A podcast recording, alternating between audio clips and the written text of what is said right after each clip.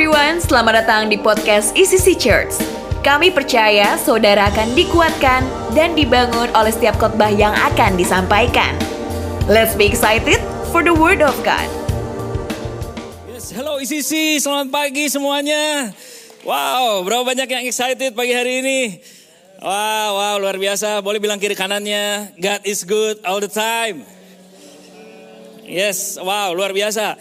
Baik, eh, hari ini kita akan sama-sama selalu di awal di bulan Juni Juli ini. Dan bersyukur saudara kita bisa melewati 6 bulan ya, 6 bulan 2023 dan hari ini kita masuk di bulan yang ketujuh. Dan kita bersyukur kita bisa melewati ini semua. Dan eh, tema firman Tuhan kita di di bulan Juni Juli ini adalah bicara tentang kasih ya, kasih. Dan saya percaya bahwa uh, saudara semua hari ini, baik yang masih single maupun saudara yang sudah menikah, kita sama-sama belajar bahwa uh, ada kasih yang luar biasa, kasih yang murni, kasih yang nyata, kasih yang sungguh-sungguh, bahkan genuine ya, yaitu kasihnya Allah dalam hidup kita. Dan sebelum kita dengar firman Tuhan, mari sama-sama saya sama saya undang kita boleh sama berdoa kembali ya. Mari kita berdoa. Bapak kami percaya firman-Mu menguatkan, firman-Mu hidup Tuhan. Firman-Mu adalah kebenaran. Dan kebenaran itu yang akan memerdekakan kami Tuhan. Karena kasih-Mu adalah kasih yang genuine Tuhan. Terima kasih Bapa di dalam nama Yesus. Kami berdoa, kami bersyukur. Mari yang percaya sama-sama katakan. Amin. Yes, saudara, uh, saya percaya uh, bahwa cinta itu sungguh luar biasa ya. Tuhan berikan kasih yang murni dalam hidup kita itu sangat-sangat sangat-sangat genuine saudara ya. Dan waktu kita berharap sama Tuhan, saya percaya ada kasih yang hidup. Dan saudara tahu ya bahwa lebih dari 60% saudara lagu yang digubah oleh orang-orang di seluruh dunia. Itu liriknya bicara tentang cinta ya. Mungkin saudara nggak sadar kalau saudara waktu PDKT saudara seneng hatinya ya dengerin lagu dan saudara 60% lirik itu tentang cinta yang digubah oleh orang lagu. Bahkan di surat kabar Inggris pun pernah menulis dalam sebuah discovery music ya. Di sana dikatakan bahwa deconstruction deconstructing the love song dikatakan bahwa ada 100 juta lagu recording yang sudah di recording adalah bertemakan tentang cinta. Dan cinta itu saudara suka, saudara senang, saudara bahagia, saudara happy karena memang ada unsur sesuatu, saudara terluka, itulah cinta saudara. Dan salah satu lagu yang sangat hits di tahun 73 ya, 1973 saya juga belum lahir, tapi ini lagu enak banget, nanti saudara bisa dengar sendiri ya. Judulnya adalah Tie a Yellow Ribbon Round the Old Oak Tree. Mungkin om-om tante ya yang tahun 73 nih mungkin masih ingat lagu ini ya. Lagu ini sangat-sangat sangat-sangat hits banget di Amerika saudara. Populer banget. Dan ini populer di tahun 1973. Kenapa saudara lagu ini bisa populer? Karena lagu ini itu diciptakan oleh Tony Orlando. Dia terinspirasi dari surat kabar New York Post tahun 1971, dua tahun sebelumnya. Menulis kisah nyata tentang seorang pria yang hidup di sebuah kota kecil di White Oak, di Georgia, US. Pria ini menikahi seorang wanita yang cantik, baik, sayangnya dia nggak pernah menghargai istrinya. Bapak Ibu, dia tidak menjadi suami dan ayah yang baik. Dia sering mabuk-mabukan, pulang malam ya. Kerja juga nggak benar saudara. Bahkan dia mencuri uang istrinya di dalam kehidupannya. Nah suatu saat dia itu ditangkap polisi, dia menipu seseorang, akhirnya dijebloskanlah ke dalam penjara dan difonis sekitar 3 tahun sampai 4 tahun lah. Nah menjelang bebas, dia berkali-kali menulis surat ke istrinya dan tidak pernah dapat balasan. Tapi dia mengerti bahwa ya memang sudah terlambat sih ya, hidup saya ini percuma katanya. Tapi dia selalu mengakhiri suratnya dan menulis begini. Jika kamu masih mau aku kembali katanya kepadamu, please ikatkanlah sehelai pita kuning bagiku pada satu-satunya pohon ok tadi saudara yang ada di sana. Dan apabila aku lewat nanti ketika aku sudah bebas, uh, waktu tidak lihat pita kuning, it's okay, saya mengerti ya, nggak apa-apa. Saya nggak akan ganggu kamu, saya akan terus menuju kehidupan saya yang baru dan saya nggak akan lagi ganggu kehidupan istri dan anaknya. Nah waktu dia uh, naik bis saudara, dia tiba menuju Miami, Florida. Dia melewati kampung halamannya di White Oak tersebut. Dia sangat gugup, sangat takut banget. keringet dingin saudara. Kenapa? Karena aduh takut banget ya. Tapi di situ karena satu bis itu dia mengerti, dia sudah cerita, dia sharing, singkat cerita, dia sharing bahwa itu yang terjadi sama dia ketika dia bebas empat tahun kemudian saudara. Dan hatinya berkobar-kobar, berdebar-debar waktu dia mendekati pusat kota White Oak tersebut. Dia nggak berani mengangkat kepalanya karena takut banget. Tapi you know saudara, akhirnya dia ngelihat juga si pohon itu. Dan air matanya menetes, air matanya menetes. Karena tidak dia tidak melihat sehelai pita kuning saudara. Dia tidak melihat sehelai pita kuning. Tapi dia melihat seratus helai pita-pita kuning yang bergantungan di pohon oak itu. Wow, seluruh pohon itu dipenuhi dengan pita kuning. Seperti panji-panji yang menyambut kedatangan sang suami, saudara. Ya. Dan wow, itulah kasih seorang istri yang sudah terluka, yang sudah tidak punya kesempatan sepertinya. Tapi itulah kasih seorang istri untuk sang suami yang memulihkan masa depannya dan mementangkan hari esok yang baru. Wow. Saudara, sesungguhnya kasih seperti itulah yang tadi saya katakan. Kasihnya Tuhan, genuine. Kasih yang seperti itulah yang Allah berikan untuk kita umatnya Bapak Ibu. Untuk memulihkan masa depan kita semua yang percaya katakan amin. Kenapa saudara? Karena cinta. Cinta adalah kesediaan. Kesediaan menaikkan seseorang di posisi terpenting dalam hidup kita tanpa syarat apa pun. Ya, cinta adalah kesediaan menaikkan seseorang di posisi terpenting dalam hidup kita tanpa syarat apa pun.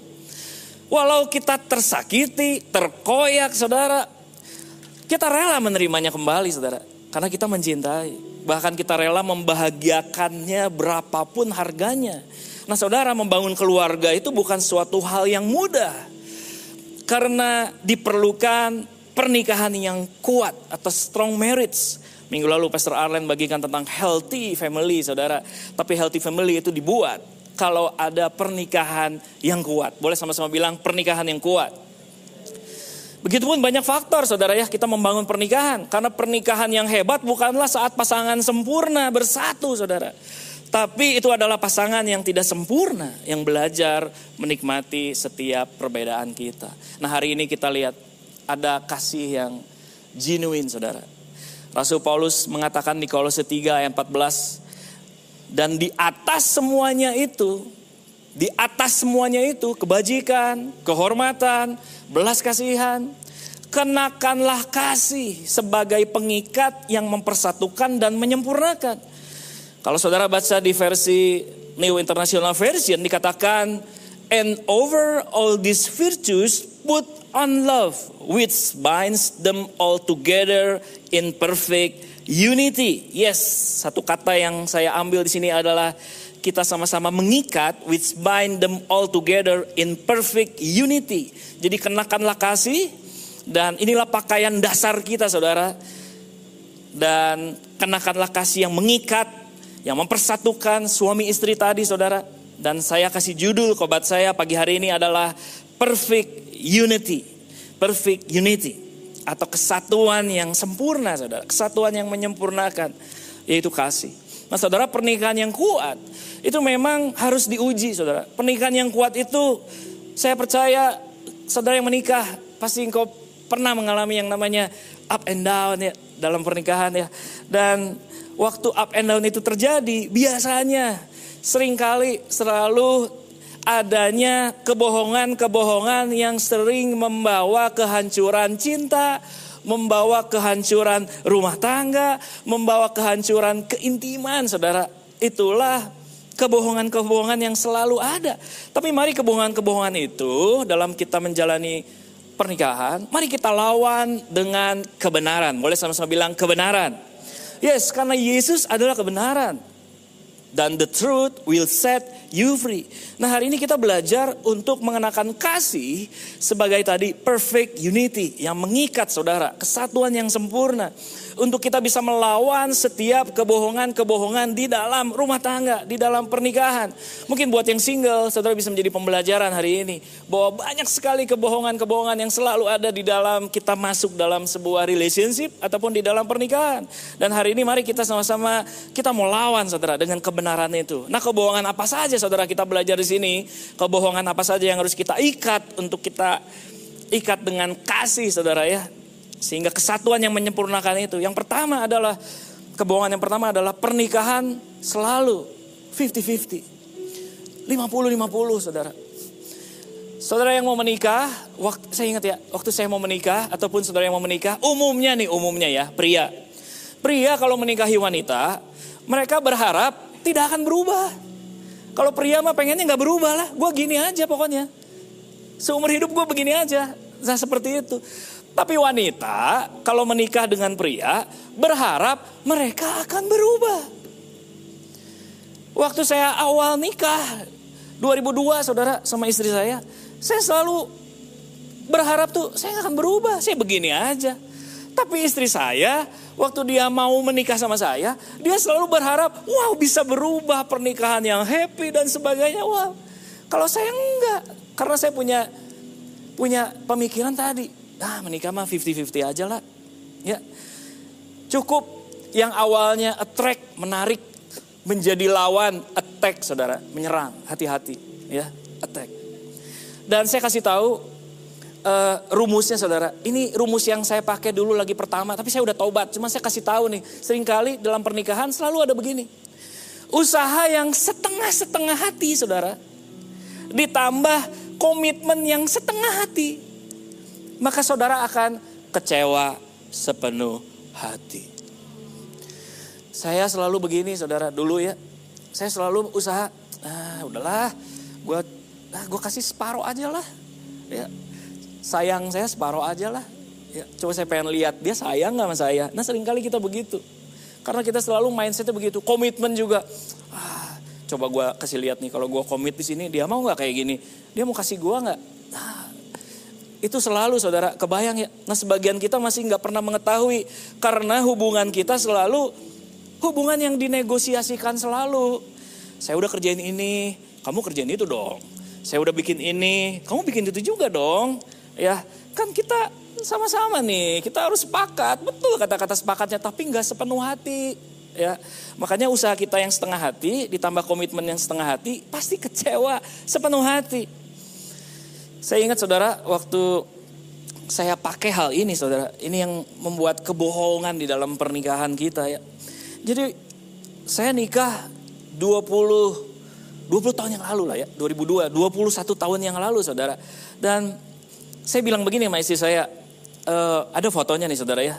Ini waktu anak saya baru baru lahir. Ya, ini si Marvin nih, Marvin baru lahir. Dan sepertinya foto ini kayaknya seneng gitu ya. Wah kita happy, kita punya baru punya anak nih happy. Wah tapi saudara bayangkan ya di benak saya, saya ini sama istri saya tuh kita 50-50. Saya selalu bilang ini, nih saya udah gendong anak saya. Sekarang giliran kamu yang gendong. Nanti dia yang gendong, makanya difoto. Kayaknya seneng, ketawa. Kita kan begitu ya. Selfie, seneng nih sekarang yang baru punya anak. Tapi saya selalu begini, 50-50 nanti nyusuin ya, nyusuin, nanti gantian. Nanti istri saya bilang gini, nih nih saya udah tiga jam loh nyusuin, gantian. Giliran kamu sekarang. Oh iya, iya oke oke. Saya gantian nyusuin. 50-50 saudara. Saya selalu mikirnya begitu. Dan nanti udah kejadian berulang. Ini bukan cuma masalah nyusuin ya. Cuci piring. Nanti saudara cuci piring, beresin rumah. Saudara bilang begini, saya udah bersihin rumah. Saya udah beresin ini. Sekarang gantian, kamu. Oh iya iya, nanti nurut istrinya. Tapi dalam berangsur-angsur seperti itu, pasti ada kejadian miss, benar nggak? Saya nggak bisa, sorry ya, gue kerja, jadi gue nggak bisa nyusuin. Lu yang jaga, weh, 100%, eh 50%. Kenapa? Karena 50-50. Nah kalau saya melakukan hal itu saudara, maka saya kecewa terus. Saudara akan kecewa sepenuh hati saudara. Tapi sekarang pertanyaannya, apa yang terjadi jika saudara berdua memberikan 100%? Maka pernikahanmu akan selalu hidup dan mengalami masa depan yang penuh harapan. Jadi berikan 100%. Yes, setan itu sering ngebohongin kita. Dia selalu bilang, udahlah 50-50 aja. Belum tentu kok dia sayang sama kamu. Eh hey, jangan saudara. Kita jangan pernah bagi-bagi seperti itu. Saudara pasti kecewa. Saudara pasti kecewa. Nah come on, pakai kasih yang mempersatukan saudara. Perfect unity. Karena pernikahan gak pernah dimaksudkan sama Tuhan menjadi 50-50. Tuhan selalu rindu mempersiapkan pernikahan, menciptakan pernikahan untuk selalu 100% pada komitmen, pada kasih yang tunduk dan hormat dan siap melayani. Nah saudara lakukan hal ini dan teladan Yesus sudah diberikan kepada kita. Kita lihat Efesus 5 ayat 25. Ini ayat selalu saya terus puter-puter di kepala waktu saya bertobat saudara ya. Efesus 5 ayat 25 bilang begini. Suami, saya pakai bahasa Indonesia sehari-hari. Suami, kasihilah istrimu. Waktu bilang suami, kasihilah istrimu. Bukan berarti para istri, ayo lo sayang sama gue. Enggak, ini maksudnya istri juga kasihi suamimu. Ya, dan di sini dikatakan apa? Sama seperti Kristus mengasihi jemaat serta mengorbankan dirinya untuk jemaat itu. Wah, kemarin baru Idul ada saudara banyak kurban. Saya ngebayangin lagi. Aduh itu sapi-sapi, kenapa nggak babi gitu ya? Aduh, tapi oke okay lah. Ya, mengorbankan 100% saudara. Yesus sudah kasih teladan sama kita. Dia mengasihi kita 100%. Enggak 50%. Enggak setengah-setengah. Kita sering setengah-setengah sama istri kita. Istri juga sering setengah-setengah sama kita. Tapi hari ini mari belajar apa yang tadi dikatakan. Kasih menyempurnakan. Kasih mempersatukan saudara. Ya, saya rindu banget. Karena pernikahan yang baik bukanlah sesuatu yang saudara temukan. Tapi sesuatu yang saudara buat. Dan kita harus melakukannya setiap hari. 100% saudara. Kau berikan kepada istri dan suamimu buat para istri dan suami kalau engkau ada di kiri kanan, kau bilang 100% for you. ya, kalau kita berpikir saudara 50-50 pasti saudara akan kalah terus saudara. Tapi mari hari ini berita baiknya adalah kalau engkau berikan 100% kenakanlah kasih maka pernikahanmu akan hidup. Pernikahanmu akan selalu melihat masa depan yang luar biasa. Karena memiliki pernikahan yang baik menunjukkan kasih Kristus sama dunia ini melalui bagaimana saudara berkorban dan mencintai dan melayani satu sama lain. If you want a better marriage, start by making yourself better. Jika kita menginginkan pernikahan yang lebih baik, mulailah dengan menjadikan diri kita lebih baik. Yang percaya katakan, amin. Baik, yang kedua saudara, kebohongan yang kedua adalah hal kecil bukan hal besar. Ini sering kali terjadi dalam rumah tangga. Kita sering kali menganggap hal kecil itu mah biasa, bukan hal besar. Hati-hati saudara, kalau bilang soal hal kecil berarti pasti ada satu kesempatan. Kalau kita bilang hal kecil pasti ada satu rahasia. Ah nggak apa-apalah, cuma kecil doang kok, nggak apa-apa. Nego-nego aja lah, nggak apa-apa. Kita judi-judi kecil, nggak apa-apa. Kayak saya dulu ya, sering main judi bola, saudara. Ah kecil-kecil, nggak apa-apa lah, nggak apa-apa. Ya biasanya malah masalah besar aja biasanya suka menghancurkan rumah tangga. Yang kecil mah enggak, lumrah lumrah aja lah. Ya, tapi justru hati-hati, yang dibiarkan tidak terkendali, tidak diakui, justru mulai tumbuh.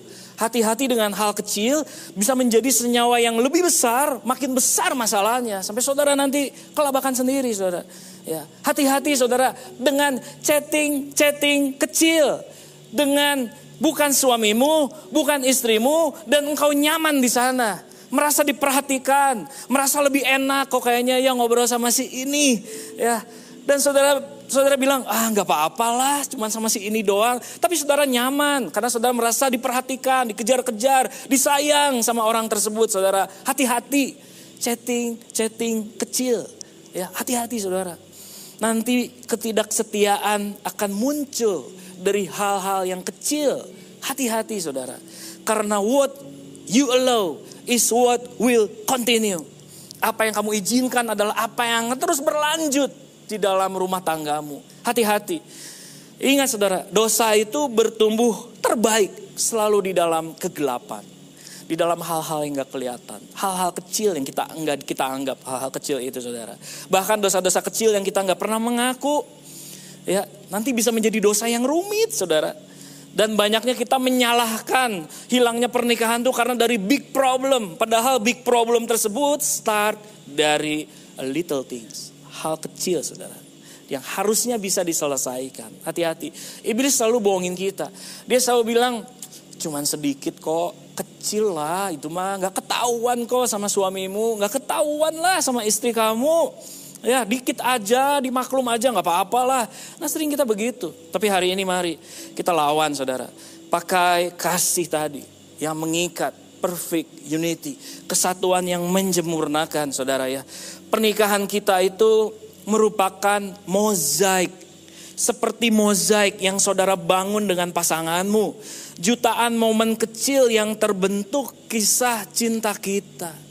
Saya 21 tahun sama istri, momen-momen kecil, hal-hal kecil. Pernikahan pernikahan di awal tahun, dua tahun pertama, tiga tahun pertama, waduh kayaknya kayak neraka saudara. Karena banyak hal-hal kecil yang gak pernah saya omongin, gak pernah saya ceritain. Ya, bahkan istri saya bilang, ngomong atau kamu teh, bilang kamu teh punya mulut, ngomong, saya ini istri kamu. Tapi saya nggak ngomong seribu bahasa. Diam aja. Kenapa? Karena hal kecil tadi. Saya bilang, ah nggak apa-apa lah. Nggak apa-apa. 21 tahun saudara.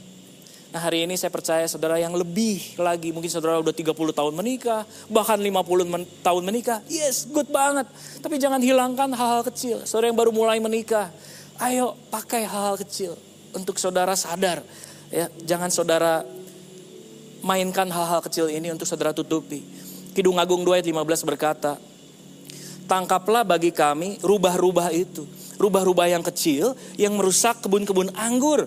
Kebun-kebun anggur kami yang sedang berbunga. Raja Salomo waktu dia membangun rumah tangganya, dia mengibaratkan rumah tangganya itu seperti kebun-kebun anggur kami yang sedang berbunga. Artinya saudara sedang senang-senang, saudara ya. Senang happy di sana. Saudara sedang membangunnya. Tapi di sana ada rubah-rubah kecil. Nah rubah-rubah kecil ini adalah hal-hal kecil. Termasuk dosa-dosa kecil. Dosa-dosa rahasia rahasia, dosa-dosa yang gak pernah diakui, keinginan-keinginan yang gak pernah dikendalikan, saudara, hawa nafsu kecil, pemikiran liar, kalau kata Pastor Arlen selalu bilang sama saya, pemikiran kamu liar. Oh iya, maaf Pastor Arlen, saya suka bilang begitu. Ya, pemikiran liar saudara. Terus kamu bilang, ah nggak apa-apalah, kayak gitu mah kecil nggak apa-apa, dosa kecil. Bahkan kita sering bilang sama dosa, ah tenanglah saya bisa ngomong kok sama suami saya, saya bisa ngomong kok sama istri saya. Udahlah, hal-hal begitu mah lumrah, dosa-dosa begitu mah nggak apa-apalah. Nah kita sering begitu saudara. Ingat, dosa itu bukan di manage, bukan diatur saudara. Tapi dosa itu harus diakui. Ini yang Tuhan mau. Dosa itu harus diakui dan kita harus bertobat. Ya, kita harus mengaku, saling mengaku dosa, Saudara. Jadi bukan diatur. Dan waktu terbaik untuk memperbaiki pernikahanmu adalah now, sekarang Saudara, bukan besok. Ya, bertobatnya sekarang. Karena buah pertobatannya hari ini, Saudara. Yakobus 5 ayat 16 berkata, karena itu, hendaklah kamu saling mengaku dosamu dan saling mendoakan supaya kamu sembuh. Doa orang yang benar, bila dengan yakin didoakan, sangat besar kuasanya yang percaya katakan amin. Nah saya selalu merenungkan kata-kata ini saudara. Karena itu hendaklah kamu saling mengaku dosamu. Dua orang saudara, dua orang suami istri saling mengaku dosamu. Hal-hal kecil tadi ayo beresin. Beresin. Lebih enak beresin di awal daripada udah besar, saudara. Saudara nggak mau mengaku, tapi firman Tuhan bilang, ayo mengaku dosamu. Sama siapa? Sama suamimu, sama istrimu. Ya, bahkan ketika engkau berdoa, engkau pulih, engkau menjadi benar. Karena di dalam Kristus waktu engkau mengaku, engkau diampuni dosanya. Dan waktu engkau yakin berdoa, maka sangat besar kuasanya. Ya, come on saudara, saling mendoakan. Lebih mudah untuk kita menemukan rubah-rubah kecil berdua daripada sendiri. Ya, rubah-rubah kecil itu perlu sekali kita temukan saudara.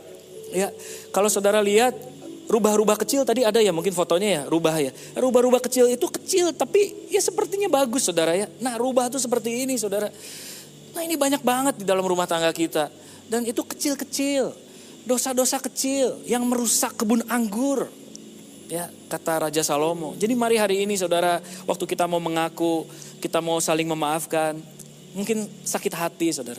Tapi daripada kita rumit, daripada kita nggak mau pulih, bahkan kita mau temukan sama-sama rubah-rubah kecil ini bersama-sama. Saya 21 tahun saudara, terus sampai hari ini pun kita terus berjalan untuk terus menemukan rubah-rubah kecil di dalam pernikahan kita. Supaya apa? Supaya saudara diberkati. Supaya saudara mengalami breakthrough. Supaya saudara mengalami kasih Tuhan yang nyata. Ya, karena waktu kita mau mengaku sama-sama suami istri mendoakan, saling memaafkan dan kita minta pertolongan yang jelas. Inilah kasih yang genuine, kasih yang mempersatukan. Inilah kasih yang menyempurnakan, perfect unity. Karena ekspresi cinta kita itu adalah murah hati, Saudara. Mari berikan hal hal-hal ini kasih kenakan kasih untuk yang kedua ini Saudara, untuk Saudara bisa menutupi kebohongan bahwa hal-hal kecil itu bukan hal-hal yang besar. Yang ketiga Saudara, yang ketiga adalah bertingkat. Waktu di awal yang pertama kita tadi uh, apa? Yang pertama tadi kita uh, pernikahan selalu kita kasih 50-50. No, mari berikan 100%. Yang kedua, mari lawan hal kecil bahwa hal kecil itu bukan hal yang besar. Kita lawan kebohongan itu. Nah saudara, yang ketiga ini adalah tingkatan yang paling akhir. Di mana sering kali waktu masalah itu udah besar. Waktu saudara semakin nggak mau memberi 100% untuk pasanganmu. Kita sering bilang yang ketiga ini adalah sudah tidak ada harapan. Ini adalah kebohongan-kebohongan iblis yang selalu uh, bicara di telinga kita. Karena waktu kita mengakui sakit saudara di dalam rumah tangga kita. Bahkan beberapa kita sering mungkin mengalami hal ini. Saudara mengalami ketidaksetiaan mungkin ya. Saudara mengalami pengkhianatan terus menerus. Saudara mungkin mengalami penderitaan, kekerasan fisik juga saudara ya. Dan saudara trauma untuk menghadapi ini. Tapi mari hari ini saudara, sering kali kita dibohongin sama iblis. Selalu iblis berkata, sudah tidak ada harapan. Kenapa saudara? Iya, karena memang gak pernah ada waktu yang tepat untuk mengerjakan pernikahan. Jadi mari, karena nggak ada waktu yang tepat mengerjakan pernikahan, saudara harus lawan kebohongan bahwa sudah tidak ada harapan. Saudara kenakan kasih, perfect unity, kasih yang mengikat, kesatuan yang menyempurnakan. Karena waktu kita menyerahkan suami istri sama Tuhan, maka Tuhan selalu bekerja melalui dua pribadi, yaitu suami istri yang menjadi satu. Karena selalu ada harapan di dalam Tuhan, saudara. Kalau kita mikir udah berat banget pernikahan kita. Come on. Kenakan kasih. Masih ada harapan. Karena ada bagiannya Tuhan. Matius 19 ayat 26 berkata. Yesus memandang mereka dan berkata. Bagi manusia hal ini tidak mungkin. Bagi manusia hal ini tidak mungkin. Bagi kita saudara, pernikahan kita kayaknya nggak ada harapan. Tapi itu bagi manusia tidak mungkin. Tetapi yang menyegarkan hati adalah, tetapi bagi Allah segala sesuatu mungkin. Yang percaya katakan amin. Ada bagian Tuhan saudara. Waktu dia mau bekerja, saat engkau mau mengaku dosa, engkau mau give 100% sama pasanganmu, selalu ada harapan. Jangan pernah berhenti untuk minta pengharapan sama Tuhan. Karena Tuhan penuh kasih dan penuh mujizat. Dan Tuhan berkata, akulah kebenaran itu. Dan kebenaran itu yang akan membebaskanmu saudara dari setiap hal. Come on. Love recognizes no barriers. Ya, Maya Angelou bilang begini, love recognize no barriers. It jumps heartless, lips fences, penetrates walls to arrive at its destination full of hope. Cinta tidak mengenal rintangan. Ia melompati rintangan, melompati pagar, menembus tembok untuk tiba di tujuan dengan penuh harapan. Pernikahan saudara dan saya penuh harapan saudara. Walau tadi saya katakan di awal-awal pernikahan saya selalu gagal Saya selalu merasa nggak ada harapan. Baru dua tahun nikah saya udah bilang, ah nggak ada harapan lah. Ya, karena saya banyak hal-hal yang nggak saya ceritain. Sampai saya numpuk, punya utang banyak. Karena dari kesalahan. Hal-hal kecil saudara. Tapi waktu saya mulai bertobat. Dan saya mulai pakai kasih. Seperti tadi saya katakan, saya merenungkan Efesus 5 ayat 25 itu nggak mudah. Oh iya, saya baru sadar waktu Yesus mengorbankan dirinya buat saya. Oh berarti saya pun harus mengasihi istri saya 100% mengorbankan hidup saya. Ampuni saya Tuhan, saya nggak pernah kasih itu Tuhan. Banyak hal yang terjadi. Sampai akhirnya puji Tuhan, saya belajar untuk minta ampun, minta maaf, dan istri saya mau mengampuni saya. Ya, sehingga akhirnya dikatakan bahwa tadi yang dikatakan oleh Maya Angelo benar ya Cinta tidak mengenal rintangan walau kita sakit. Karena mencintai itu berarti kita mencintai yang tidak dapat dicintai. Kalau kita mau memaafkan, berarti kita memaafkan atau mengampuni yang tidak dapat diampuni, saudara. Bahkan waktu saudara udah kecewa, saudara mati imannya. Tapi iman berarti saudara mulai mempercayai yang sulit dipercaya. Karena Yesus pengharapan. Harapan berarti kita berharap Ketiga segala sesuatu tampak tanpa harapan.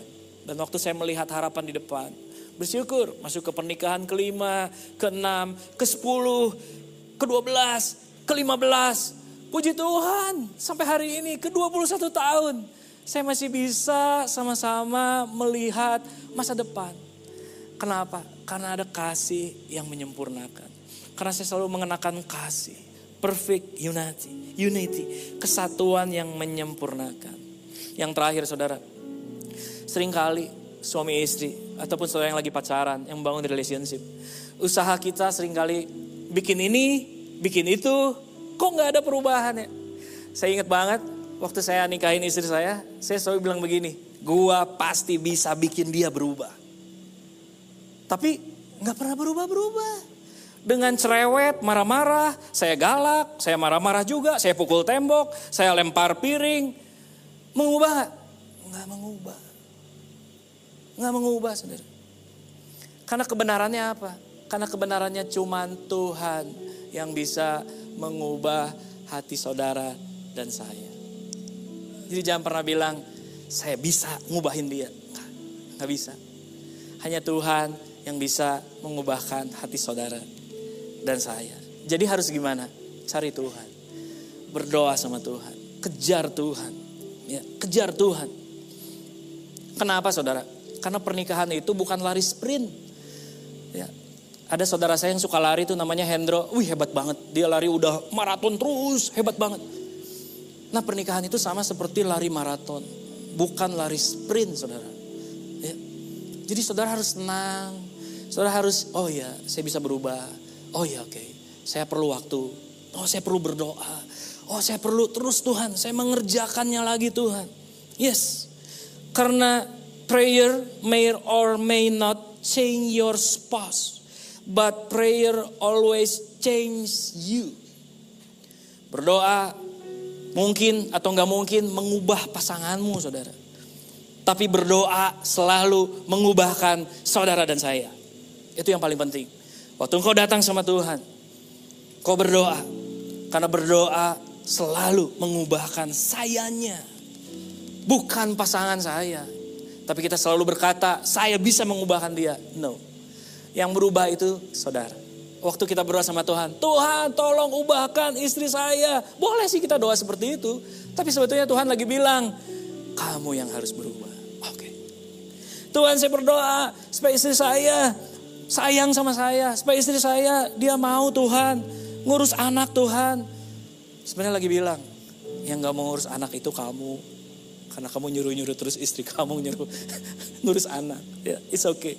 Karena waktu kita berdoa, yang diubahkan adalah kita. Come on saudara. Mazmur 139 ayat 23, kita belajar kayak Daud. Ya, setiap hari. Setiap hari, makanya Daud dikenan sama Tuhan. Setiap hari saudara dan saya, mari kita belajar kayak Daud. Suami istri mari kita belajar kayak Daud. Selidikilah aku ya Allah, Mazmur 139 ayat 23. Selamilah hatiku, ujilah aku dan ketahuilah pikiranku.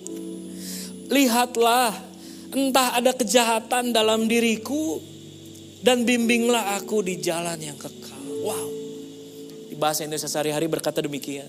Nah saudara, mari berdoa demikian setiap hari. Waktu engkau melihat pasanganmu, waktu engkau melihat anak-anakmu, waktu engkau membangun relationship, waktu engkau membangun bisnis, waktu membangun apa pun, engkau selalu berdoa. Selidikilah aku ya Allah. Selamilah hatiku, ujilah aku, ketahuilah pikiranku. Waktu engkau mulai minta dipimpin Tuhan, maka Tuhan mulai mengubahmu. Tuhan bisa mengubahmu dari sikapmu, dari pendekatanmu. Tuhan bisa mengubahmu mulai membangun kepercayaan dirimu saudara. Waktu engkau bilang, Tuhan selamilah aku, selidikilah aku. Besok-besok kamu gak akan mentolerir lagi untuk ngomong kasar sama istrimu. Besok-besok kau tidak akan mentolerir lagi untuk ngomong kasar sama suamimu. Karena kau minta tolong sama Tuhan. Dia yang akan mengubahkanmu. Sikap kasarmu dan bersabar membuat batasan yang sehat saudara. Karena Tuhan mengubahkan kita.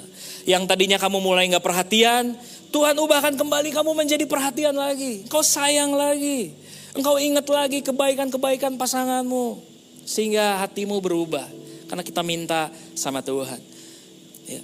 Jika engkau terluka, Allah juga akan menyembuhkan hatimu.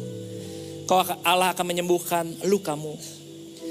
Dan memberimu pengampunan saudara. Dia akan mengubah imanmu saat hilang iman kita saudara. Jadi sekali lagi yang terakhir saya ajak saudara berdoa.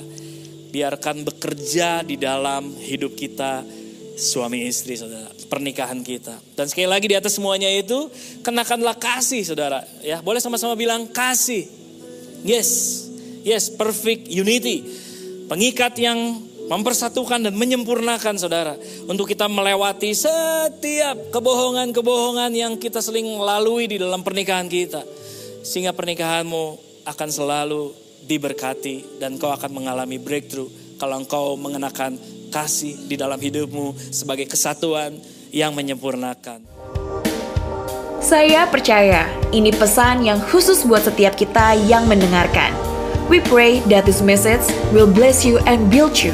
See you at the next podcast.